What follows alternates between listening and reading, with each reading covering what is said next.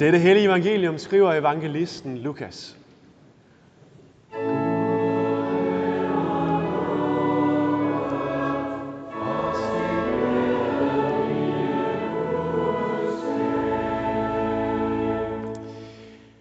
Under sin vandring mod Jerusalem fulgte Jesus grænsen mellem Samaria og Galilea.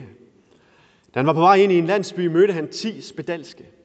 De blev stående langt fra ham og råbte, Jesus, Mester, forbarm dig over os. Da han så dem, sagde han, gå hen og bliv undersøgt af præsterne. Og mens de var på vej derhen, blev de rene. Men en af dem vendte tilbage, da han så, at han var blevet helbredt. Han priste Gud med høj røst og kastede sig på sit ansigt for Jesu fødder og takkede ham. Og det var en samaritaner. Jesus spurgte, var der ikke ti, der blev rene? Hvor er de ni? Er det kun denne fremmede, der er vendt tilbage for at give Gud æren? Og han sagde til ham, stå op og gå herfra. Din tro har frelst dig. Amen. Værsgo at sidde ned. Og Jesus, vi beder dig om, at du må tale til os igennem det her budskab øh, også i dag. Og det må skabe tro hos os. Amen. Med bibeltekster er det ofte sådan, at de øh, nogle gange kan være lidt svære at finde ind til pointen af. Der kan være nogle lag, man sådan lige skal, skal ind under. Øh, her er det egentlig relativt åbenlyst. Der er selvfølgelig nogle ting, jeg som, som teolog kunne, kunne pakke op og så videre, øh, for at give jer lidt mere baggrundsviden. Men sådan helt på bundlinjen, så, så er det åbenlyst, at det, der sker her, det er, at Jesus han gør noget for nogle mennesker. Og nogle af dem, langt de fleste af dem, de tænker, ej hvor fedt, nu skal jeg ud og leve mit liv igen, nu skal jeg ud og lege i livstrædets krone, og glemmer alt om Jesus. Men der er en, der vender tilbage. Og det er jo til ham, Jesus siger, gå bort med fred. Din tro har frelst dig. Og her ligger der noget mere, end at han bare er blevet helbredt. Det er de andre jo også. Den her har altså fået noget mere end de andre. Fordi han har formået at placere den der helbredelse det rigtige sted. Takke for den. Læg fundamentet for sin helbredelse det rigtige sted. Det er ikke noget, jeg selv ligesom bare kan tage for givet, som de, ti, de ni andre gjorde. Nu er jeg helbredt, så kører det bare igen. Nu behøver jeg ikke tænke mere på noget, for nu er jeg jo selv øh, i overhængsbanen, så kører vi, der, øh, kører vi derud af. Ikke? Det kan vi godt forholde os til, mange af os. Vi, øh, vi har nemt ved det der med, på en eller anden måde bare at tænke, det går jo rigtig godt. Det går godt økonomisk, det går godt, der er ingen af os, der er syge, hvad ved jeg, det er jo ikke alle sammen, der kan tænke sådan, fordi det er ikke lige tilfældet. Men for rigtig mange danskere, så er det tilfældet. Det går rigtig godt. Og der kan det være svært på en eller anden måde at sige, okay, men er det ikke noget, jeg ligesom er skyld i det her? Det er det jo måske nok et stykke hen ad vejen, ikke? Det spiller selv en rolle. Men på en eller anden måde, så har vi jo også bare fået livet givet, ikke? Vi har jo bare fået livet givet som en gave. Det er ikke noget, vi selv kan prale af. Vi kan ikke engang prale af, at vi er danskere. Selvom det er sådan ret meget bedre, end at være så meget andet på en eller anden måde. Det er bare noget, vi har fået givet. Sådan er det. Vi var heldige, vi blev født her. På en eller anden måde er der noget der, som er en helt åbenlys pointe i den her tekst. Og jeg tror, det er pointen, som jeg ikke skal tale mere om i dag, for det er ikke det, jeg vil sige noget om. Men bare lige så I ikke kan komme og klandre mig for, at jeg ikke kan finde ud af at læse Bibelen, så skulle vi lige have den med. Det er selvfølgelig det, den her tekst handler om. Men det er heller ikke helt ved siden af det, som jeg vil tale om. Fordi jeg tænkte, hvor er det utrolig heldigt, eller dejligt, at den her tekst, den lægger sådan op til, at lige den dag, hvor konfirmanderne er her for første gang, så kan vi tale om det, som er allermest centralt i kristendommen, for det skal vi gøre i dag. Det er det, vi skal tale om. Og hvordan skal vi gøre det? Vi skal tage lidt et andet take på den her tekst. Jeg vil dele den op i to dele. Og den første del, den handler om de her spedalske. Og så vender vi tilbage til den anden del om lidt. Og her tror jeg på, at vi kommer ind, hvis ellers det lykkes for mig, og får fat i noget af det, som, som, som er fuldstændig centralt, når vi taler kristendom. Og det er bare for at sige, at vi starter hårdt ud, konfirmander, øh, med at tale om lige præcis det, som det er. Så spids ører her. I skal nok øh, få det repeteret igen og igen og igen, som vi kommer øh, videre. Men øh, nu taler jeg til konfirmanderne hernede. I andre skal også spidse ører, for det er sådan set til os alle sammen, det her. Hvem identificerer vi os med, når vi kommer til sådan en tekst? Vi starter med, med de spedalske. Der vil være mange af os. Måske i dag, men måske også senere i dit liv, eller måske tidligere i dit liv, som kan tydeligt identificere os med de her spedalske mennesker. Hvad er det at være spedalsk? Det er, at ens hud og kød rådner, og stille og roligt begynder at falde af ens krop. Det er den værste sygdom, jeg kan forestille mig.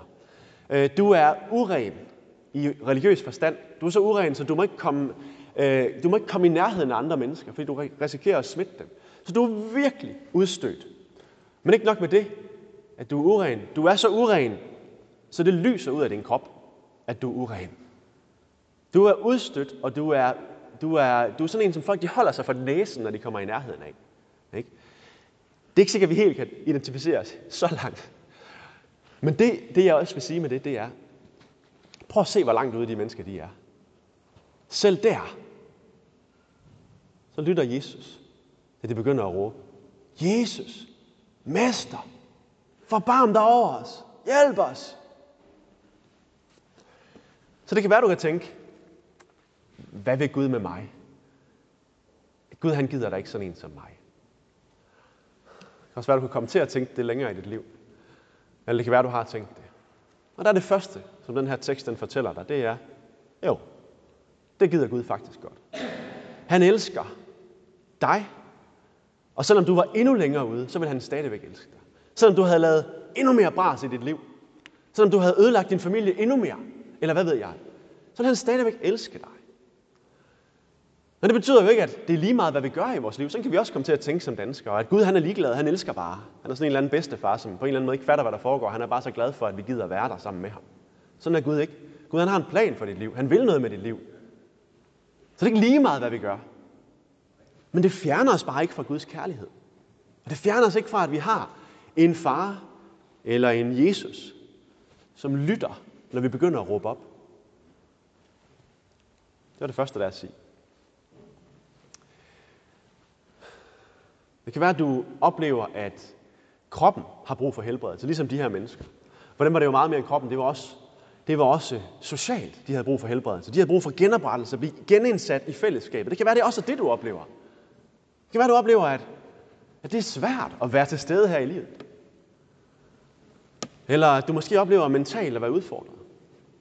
Så den sidste del. Det kan være, du oplever, at du trænger til åndelig helbredelse. Du bærer på skyld.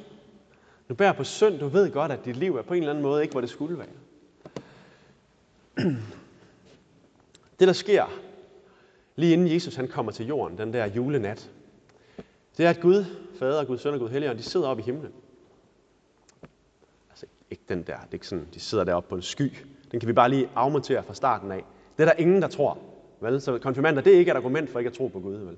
Jeg, jeg, jeg, tror, jeg, tror, jeg tror, du er sådan en mand, der sidder oppe i en sky med, med mega lang skæg. Øh, nej, det tror jeg ikke. Så bare væk med den. Okay? Når vi taler om himlen, så er det ikke deroppe på en sky. Så er det bare der, hvor Gud er. Det er der ingen af os, der ved, hvor er. Det er en anden dimension. Det giver måske bedre mening. Ikke? Okay? Det er der, de sidder. Og så siger de,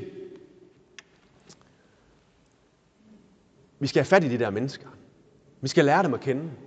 Vi skal, have, vi, skal have dem, vi skal have dem til at forstå, at vi elsker dem. Vi skal have fællesskab med dem igen, for det var det, de blev skabt til, da, da, jeg skabte, da vi skabte Adam og Eva, der i paradisets have, ikke? da vi startede med det hele.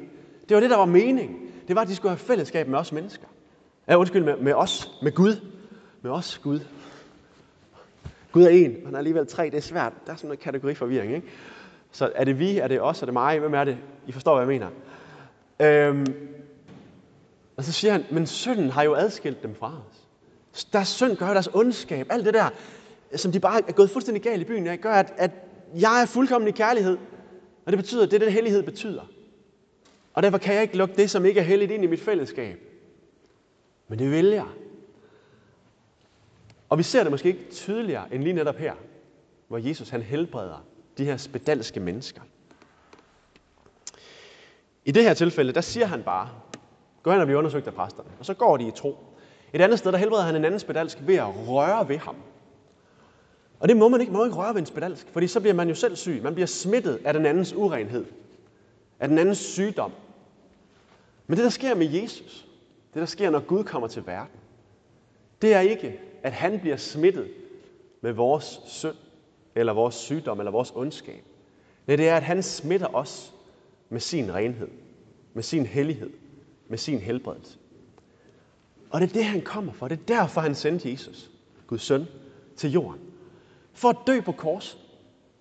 Et sted i Gamle Testamentet, Esajas bog, kapitel 53, som er skrevet cirka 750 år før Jesu fødsel. Det i sig selv er for mig et lille gudsbevis, det her. Ikke? Det er skrevet så lang tid før.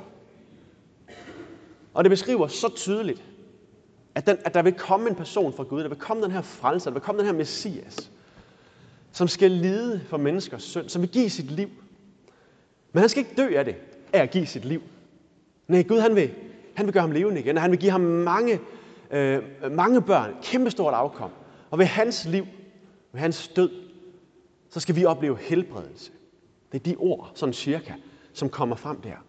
Så det er sådan et helt, helt, helt klart billede, der bliver malet af det, som vi ser 750 år øh, efter ske, som også er malet heroppe på mosaikken. Ikke? Jesus dør på korset. Hvorfor dør han der? Jo, han, han dør for at annullere det, der skete den, dengang Adam og Eva de spiste af det her, den her frugt. Hvad skete der der? Der vendte de sig bort fra Gud. Og så står der, at de blev dødelige. Der var de ikke længere udødelige. De var egentlig skabt til at skulle leve evigt. Med hinanden i kærlighed og med Gud i kærlighed. Det blev spoleret, det der. Døden kom ind i deres liv. Sygdommen kom ind i deres liv. Ondskaben kom ind i fællesskabet med hinanden. Det er jo lige præcis de ting, vi taler om her. Det er lige præcis de ting, som vi kan komme igen og igen og opleve. Det har bare brug for helbredelse for det her. Jeg slæber rundt på noget, som, som jeg bare er ked af. Måske endda værre endnu, som ødelægger mig. Jesus han dør på det der kors. Han har, ikke, han har ikke fortjent at dø der. Han har ikke brug for at dø der. Han kunne bare sige til Gud, send din engle og tag mig ned herfra. Og så vil han gøre det med det samme. Men det gør han ikke. Han vælger at dø på det kors. Og den teologiske forklaring, den kan nok være rimelig lang, hvis vi skal gribe helt om den. Jeg skal prøve at gøre det så kort jeg kan. Er, at Bibelen siger sådan her, syndens løn er død. Altså det, som sker, når man synder, det, med, det er, at det medfører død for os. Og der gør Jesus det, at han tager den død på sig. Gud dør, så at sige, i stedet for os. Så det bliver, det bliver til sådan et stedfortrædende offer. Og I kan måske nok, også endda jeg konfirmander, alligevel, jeg har nok alligevel en eller anden fornemmelse af, at der er i nogle religioner, at man offrer dyr til guderne. Men det gør man for på en eller anden måde at dække over det, man selv har gjort forkert. Og for også at vise dem, at man, man vil gerne give dem noget, for at det skal give en noget tilbage. I Gamle testamenter, der offrede man dyr af den grund. Det gør man også, øh, har man også gjort i islam og øh, i alle mulige andre religioner. Den eneste religion, hvor man faktisk ikke offrer længere, det er kristendom. Og det er, fordi Jesus har offret sig selv en gang for alle. For at fjerne vores synder, for at dø i stedet for os. Og det kunne han gøre, fordi han var den eneste, som ikke havde synd i sig. Han var den eneste, som var ren. Han var den eneste, som ingen ondskab havde, men var fuldkommen i kærlighed. Og I skal virkelig forstå mig ret, når jeg taler om synd. Så er det ikke synd. Uha. Så er det, så er det synd, som det der, der gør, at vi rammer ved siden af den kærlighed, som vi er skabt til at leve i. Det er noget andet. Kan I se forskellen? Gud han vil, at vi skal elske. Og når vi ikke elsker, så er det, så er det noget bras. Fordi så ødelægger det både noget for os, og det ødelægger noget for de mennesker, som er omkring os. Og hvem vil ikke have lyst til at kunne elske mere? Hvem vil ikke have lyst til, at kærligheden flyder mere frit i din familie? Hvem vil ikke have lyst til at være en del af et fællesskab som det her, hvor, hvor kærlighed ligesom er temaet? Ligesom det, vi hele tiden skal spejle os op af, når vi kommer til at lave noget, som virkelig ikke er kærligt, så har vi fundet hele tiden den der, øh, ja okay, jeg kan godt se, det var måske ved siden af det der. Og så må vi omvende os, og så må vi komme til hinanden igen og sige undskyld. Men det, der sker, når vi gør det der, som øh, måske er lidt træls, at vi skal omvende os. Vi kan måske ikke komme til vores mor og far og sige, jeg er ked af, at jeg var sådan en fjols. Eller mor og far skal måske komme til dig og sige, jeg er ked af, at jeg var så skrab. Jeg er ked af, at jeg skældte så meget ud. Det var faktisk ikke fair. Men det er træls. Men det, som det bringer med sig, er fred, glæde, kærlighed, tålmodighed, det som vi hørte Paulus tale om, mildhed. Det er åndens frugter. Og de der frugter, de er altså noget, som rykker i dit liv, i mit liv. Det er det, vi taler om. Okay, det var de spedalske. Så når vi kommer til, bare lige for at runde dem af helt, når vi kommer til Jesus, så møder vi ham der på korset, hvor han dør for alt det, vi har brug for helbredelse for. Og min erfaring det er, det er det Bibelen fortæller os også, det er, når vi kommer nærmere og nærmere Jesus, når vi holder os til ham i vores liv, så får vi simpelthen lov til at få del af den der renhed, af den der kærlighed, af den der helbredelse, som han rører os med, som han smitter os med. Og det betyder ikke, at alt i vores liv bare bliver mega godt. Det betyder ikke, at vi ikke har nogen skavanker. Jeg kan liste en hel del op for jer. Jeg er ikke engang så gammel endnu. er sikker på, at der er mange af jer, der har endnu flere. Øh, det betyder ikke, at så er vores mentale tilstand bare perfekt. Vel? Men det betyder, at vi har hans fred, vi har hans glæde, vi har hans eksempel, vi har hans venskab, som mere og mere er med til at løfte vores blik. Stille og roligt gør noget godt for os.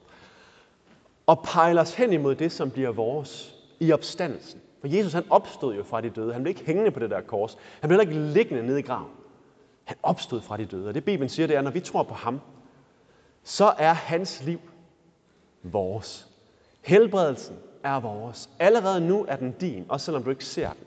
Både fysisk, både psykisk, både åndeligt. Du kommer til at genopstå igen til et evigt liv med ham, hvor din krop, ja, fordi vi kommer til at have en krop, det er også en total misforståelse, at vi kommer til at være sådan nogle sjæle, der svæver rundt med sådan et eller andet åndevinger eller sådan noget. Sådan er det ikke. Vi kommer til at have en krop, det bliver en jord, det bliver et liv, som, kan, som du kan genkende. Men det bliver uden alt det, som har brug for helbredelse. Det bliver med kærlighed, som det, der gennemsyrer alt. Og det er for vildt. Bedre kan jeg ikke beskrive det. Og jeg tror ikke, vi får bedre beskrivelser på en eller anden måde. Vi kommer, ikke, vi kommer det ikke nærmere. Men det er det, vi kan række ud efter. Og så til sidst, nu har vi ikke så lang tid tilbage, så jeg skal også gøre det relativt kort. Det er til jer, som måske siger, jamen det er ikke lige der, jeg er egentlig. Det har jeg taget imod, det der med Jesus. Det der med helbredelsen. Jeg har været den der spedalske, og Jesus han har mødt mig. Og du er måske kommet i kirke hele dit liv, eller du er måske kommet i kirke de sidste fem år, eller hvad ved jeg. Og du siger, jeg er, jeg er kristen. Jeg har da været på alfa-kursus. Jeg har egentlig rimelig styr på det der.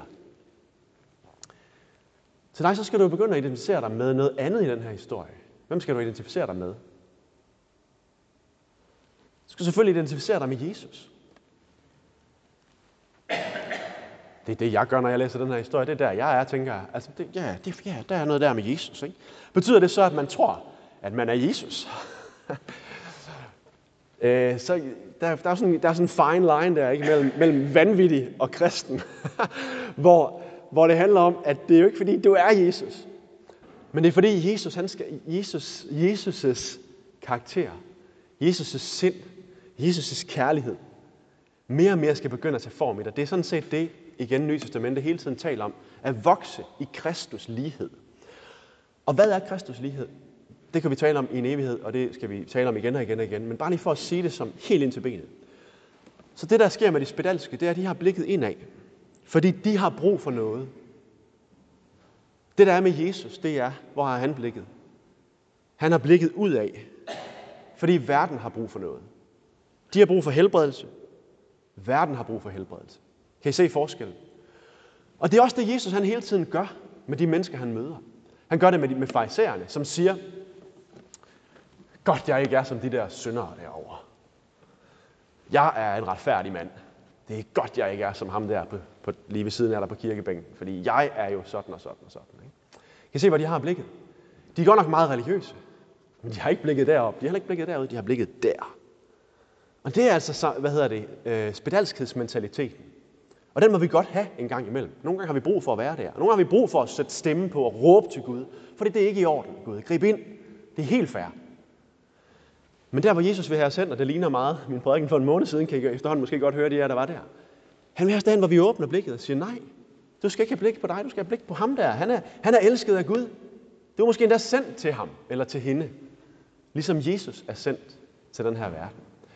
Og hvordan kan vi være sendt til hinanden eller til vores verden som mennesker? Der er jo alt muligt, man kunne sige der, og øh, du kan bedre svare på det i, dit eget liv, end jeg kan nødvendigvis. Men der er i hvert fald noget omkring, når vi kommer her, så at sige, okay, Gud, hvem kan jeg være til velsignelse for i dag? Hvem er det, jeg måske skal møde med fællesskab i dag? Hvem er det, jeg måske skal give et godt ord på vejen med i dag? Hvem er det, jeg måske skal sætte mig sammen med over til kirkekaffen? I stedet for bare at sætte mig sammen med dem, jeg ved, dem kender jeg, dem har jeg det hyggeligt med, så måske sætte mig sammen med en eller anden, så jeg kan lære ham eller hende at kende. Og når du går ud i din hverdag igen, så kan du måske spørge dig selv mandag morgen, hey, igen Gud, hvem er jeg egentlig sendt til i dag? Hvor kan jeg egentlig gøre en forskel? Hjælp mig til at opdage, hvis der er en forskel, jeg kan gøre. Og du kan måske endda sige, som øh, min kone sagde til mig i dag, jeg har købt, øh, jeg har simpelthen købt en, øh, en natdragt til Josias for lille. Og jeg har købt en dyr en, fordi nu skulle han bare have noget ordentligt, den er bare for lille. Og så siger hun, men skal vi ikke bare give den væk? Vi kunne jo godt bare sælge den, den er jo helt ny, og den var dyr. Den var ikke sindssygt dyr, vel? Det er ikke fordi, vi bliver færdige af det her. Men, men det var et lille eksempel. Hun er rigtig god til det der, min kone. Skal vi ikke bare give den væk? Jo, lad os gøre det. Ikke? Fordi hvorfor egentlig ikke? Vi har ikke brug for de der 200 kroner, vi kunne indbringe. Det er da lige meget. Lad os give den væk. Ikke? Altså, det er bare de der små ting. Det er bare lige for et lille eksempel. Ikke? Øh, hvordan kan jeg bare lige give det væk i morgen på arbejde? Hvad er det, jeg kan gøre? Hvordan kan jeg lige... Måske bare lige glæde min kollega med et eller andet. Ikke? Tag, find selv på flere ting. Hvem kan jeg bede for? Hvordan kan jeg have det der blik udad? Det vil jeg give jer med. Det giver alle sammen, der skal tage det her i dag. Men I skal tage det på et tidspunkt og sige, hov, nu er jeg vist ved at være der, hvor jeg faktisk er okay med, at mit liv er, som det er. Så kan jeg begynde at åbne blikket og se ud af. Det var ordene for i dag. Nu må vi